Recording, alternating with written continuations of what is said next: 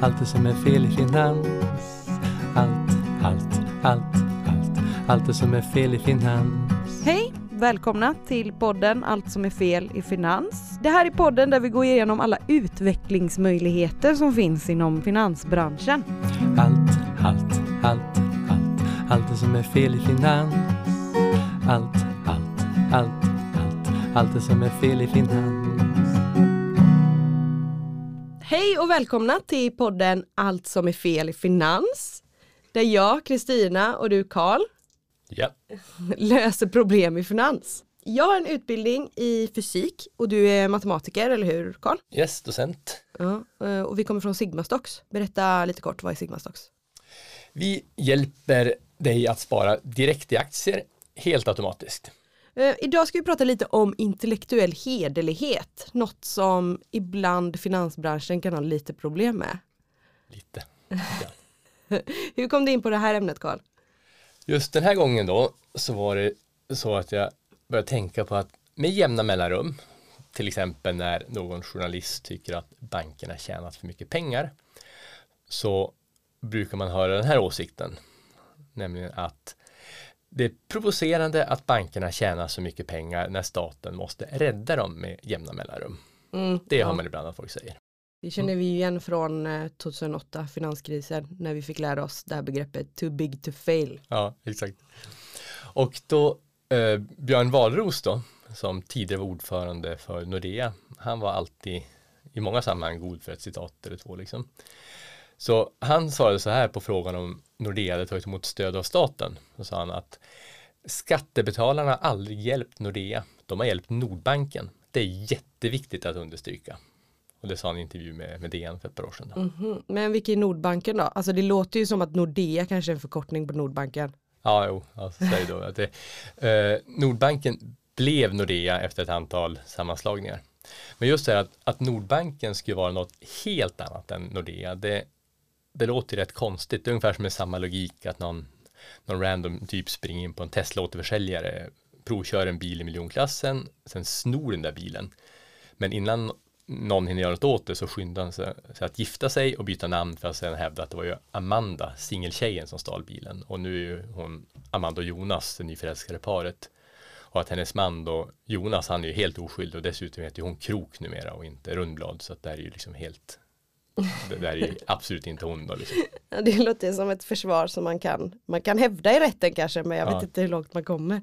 Nej, men det är precis det. det är, och det är en fortsatt idag. De sa att Nordea faktiskt efter den senaste finanskrisen fick ett jättetillskott av staten i en nyemission.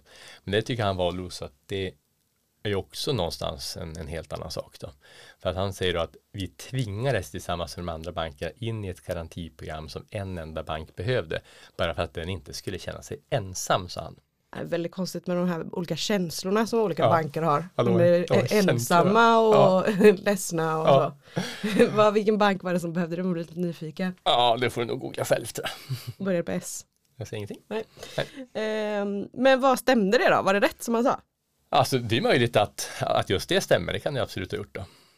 Varför blev de intvingade där då? Alltså det låter ju konstigt. Alltså eh, varför måste man så? Nu måste du ta emot pengar härifrån. Vad är det som pågår? Det var nog mer en sån säkerhetsåtgärd från, från statens sida att man ville trygga så att bankerna hade, hade tillräckligt med pengar. Men det stämmer ju också, att det han säger, det stämmer ju antagligen då. Men, men det stämmer ju också att sättet som hela västvärlden hanterade finanskrisen var att man gjorde det cirka gratis att låna pengar. Och det här tvingar ju nästan mekaniskt upp efterfrågan och därför även priserna på till exempel aktier och, och skog och wait for it, bostäder. Så den ökande prisbilden på bostäder gör att det lånas avsevärt mer då. Och hushållens lån per capita har ju cirka dubblats sedan den här tiden, alltså sedan innan finanskrisen. Och samtidigt är ju bankernas bruttoräntemarginaler, alltså hur de finansierar sig själva, utlåningsränta minus finansieringskostnader. Den är typ tre gånger högre nu än vad den var åren före efter finanskrisen. Så resultatet av den här statliga subventionen, att, att staten ser till att det blir nästan gratis att låna pengar, är att bankernas omsättning har ökat jättekraftigt och även deras vinster också såklart.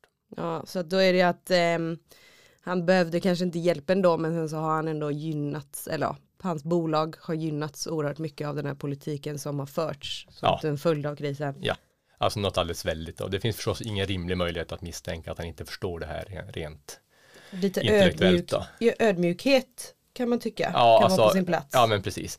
Alltså, han hade ju någonstans, till exempel när han får de här frågorna slängda till sig, han har inte behövt gå till attack. Han har till exempel kunnat säga att Nordea såklart är medvetna om och tacksamma för den hjälp som Nordbanken fick under 90-talskrisen. Han har även kunnat fortsätta med att förklara att Nordea är medvetna vilka insatser svenska staten gjort för att säkerställa ett stabilt banksystem under finanskrisen och att dessa insatser självklart verkligen gynnat Nordea under årtionden som följt. Han kunde liksom även då poängterat att just banksystemet är en helt nödvändig del i ett rimligt modernt fungerande samhälle. Och från det perspektivet är det inte konstigt att bankerna särbehandlas relativt till andra branscher, men vi på Nordea har gjort vår hemläxa, vi tar ansvar i den meningen att vi ska se till att i alla fall Nordea, alltså det enda vi kan påverka, inte ska sätta landet i en liknande situation igen då. Men han gör ju Du inte borde det. vara PR-chef på Nordea hör jag. är det här Ja. en... eh, Jag tycker att jag hade gjort det bättre va? Jag hade gjort det bättre va? Ring mig! Nordea, ring mig! Han blir någonstans förlorad av det här liksom. och, och samtidigt förstår jag honom i någon mening. Liksom. Det, är, det är ju svårt möjligen att förstå något om man får betalt avhängigt av att man inte förstår det. Hur menar du med att, eh, att, han, alltså, att hans in, inkomster är ihopkopplade här med att han... Han bedömer väl någonstans att det gynnar hans arbetsgivare att han inte erkänner en omfattande hjälp som, som banken har fått. Liksom. Eller så tror jag verkligen på det han säger, men det känns rätt otroligt. Om man gör en, Vi känner inte honom men vi tror inte att han är dum va? nej, det finns inte möjlighet att han är dum. Liksom. Och jag tänker att det är mer ungefär som George, det är en historisk referens, du kanske är ung för att förstå, liksom, men George Costanza i Seinfeld, han sa så här att Just remember Jerry, it's not a lie if you believe it. Men vad, vi har pratat mycket om han, eh, Nordeas förra ordförande nu. Var hittar man det här, det här att inte vara intellektuell hederlig? Hittar man det mer i, i finansbranschen? Alltså, Eller på andra ställen också? Ja, det, det finns ju någonstans överallt. Då. Alltså, det kan till exempel vara en, en finansminister som hävdar att, att sysselsättningen har gått upp. Vilket någonstans låter som en bra grej. Då tänker vanligt folk att fler har fått jobb, alltså fler ska vara självförsörjande utan bidrag. Men då kanske det är så att, att för att vara sysselsatt, det räcker med att du går en, en CV-kurs, CV-skrivarkurs en timme i veckan. Liksom. Och de här CV-skrivarkurserna har ökat på grund av politiska insatser. Och då är det någonstans en skev bild av verkligheten med flit för att nivån av självförsörjande, äh, självförsörjande andel av befolkningen, alltså det, det folk tänker på som att vara självförsörjande, den kanske har gått ner då. Ja, det är som eh, vi känner igen från tidigare avsnitt här. Ljuga med statistik Ja, statistik, statistik, vad sa du? och förbannad lögn. Exakt, det det klassiska uttrycket så att säga. Ja, inga konstigheter. Nej. Men en annan vanlig grej är ju att ö, medvetet bara missförstå saker. Och det är rätt, rätt vanligt i finans, men det är ju mer så i politiken. då. I finans kanske man visar grafer som är missvisande avseende hur bra man har avkastat eller man börjar på ett visst man börjar visa grafen på en viss tid eller man gömmer avgifter och sådär. Och i, i politiken då så gör man väl andra saker.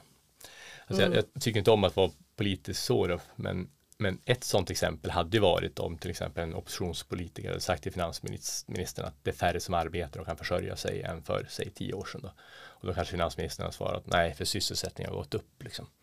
Och den, den där typen av, av, eh, av resonemang är ju liksom lite Mm, det känner vi igen också från alla diskussioner på internet. Ja, exakt.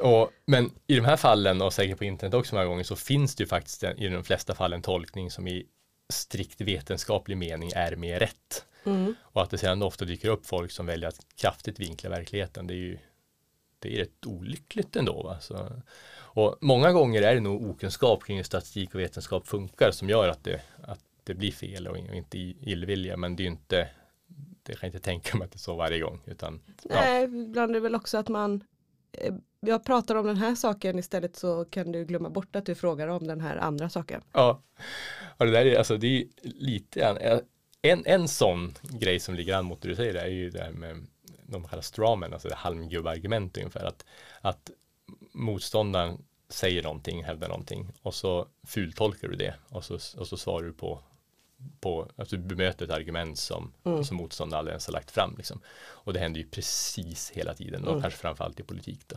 Och det är ju rätt svårt att inte störa sig på det då. Ja. Men vad kan vi, har vi några utvecklingsmöjligheter här då? Hur kan man, eh, hur kan man bli bättre på det här?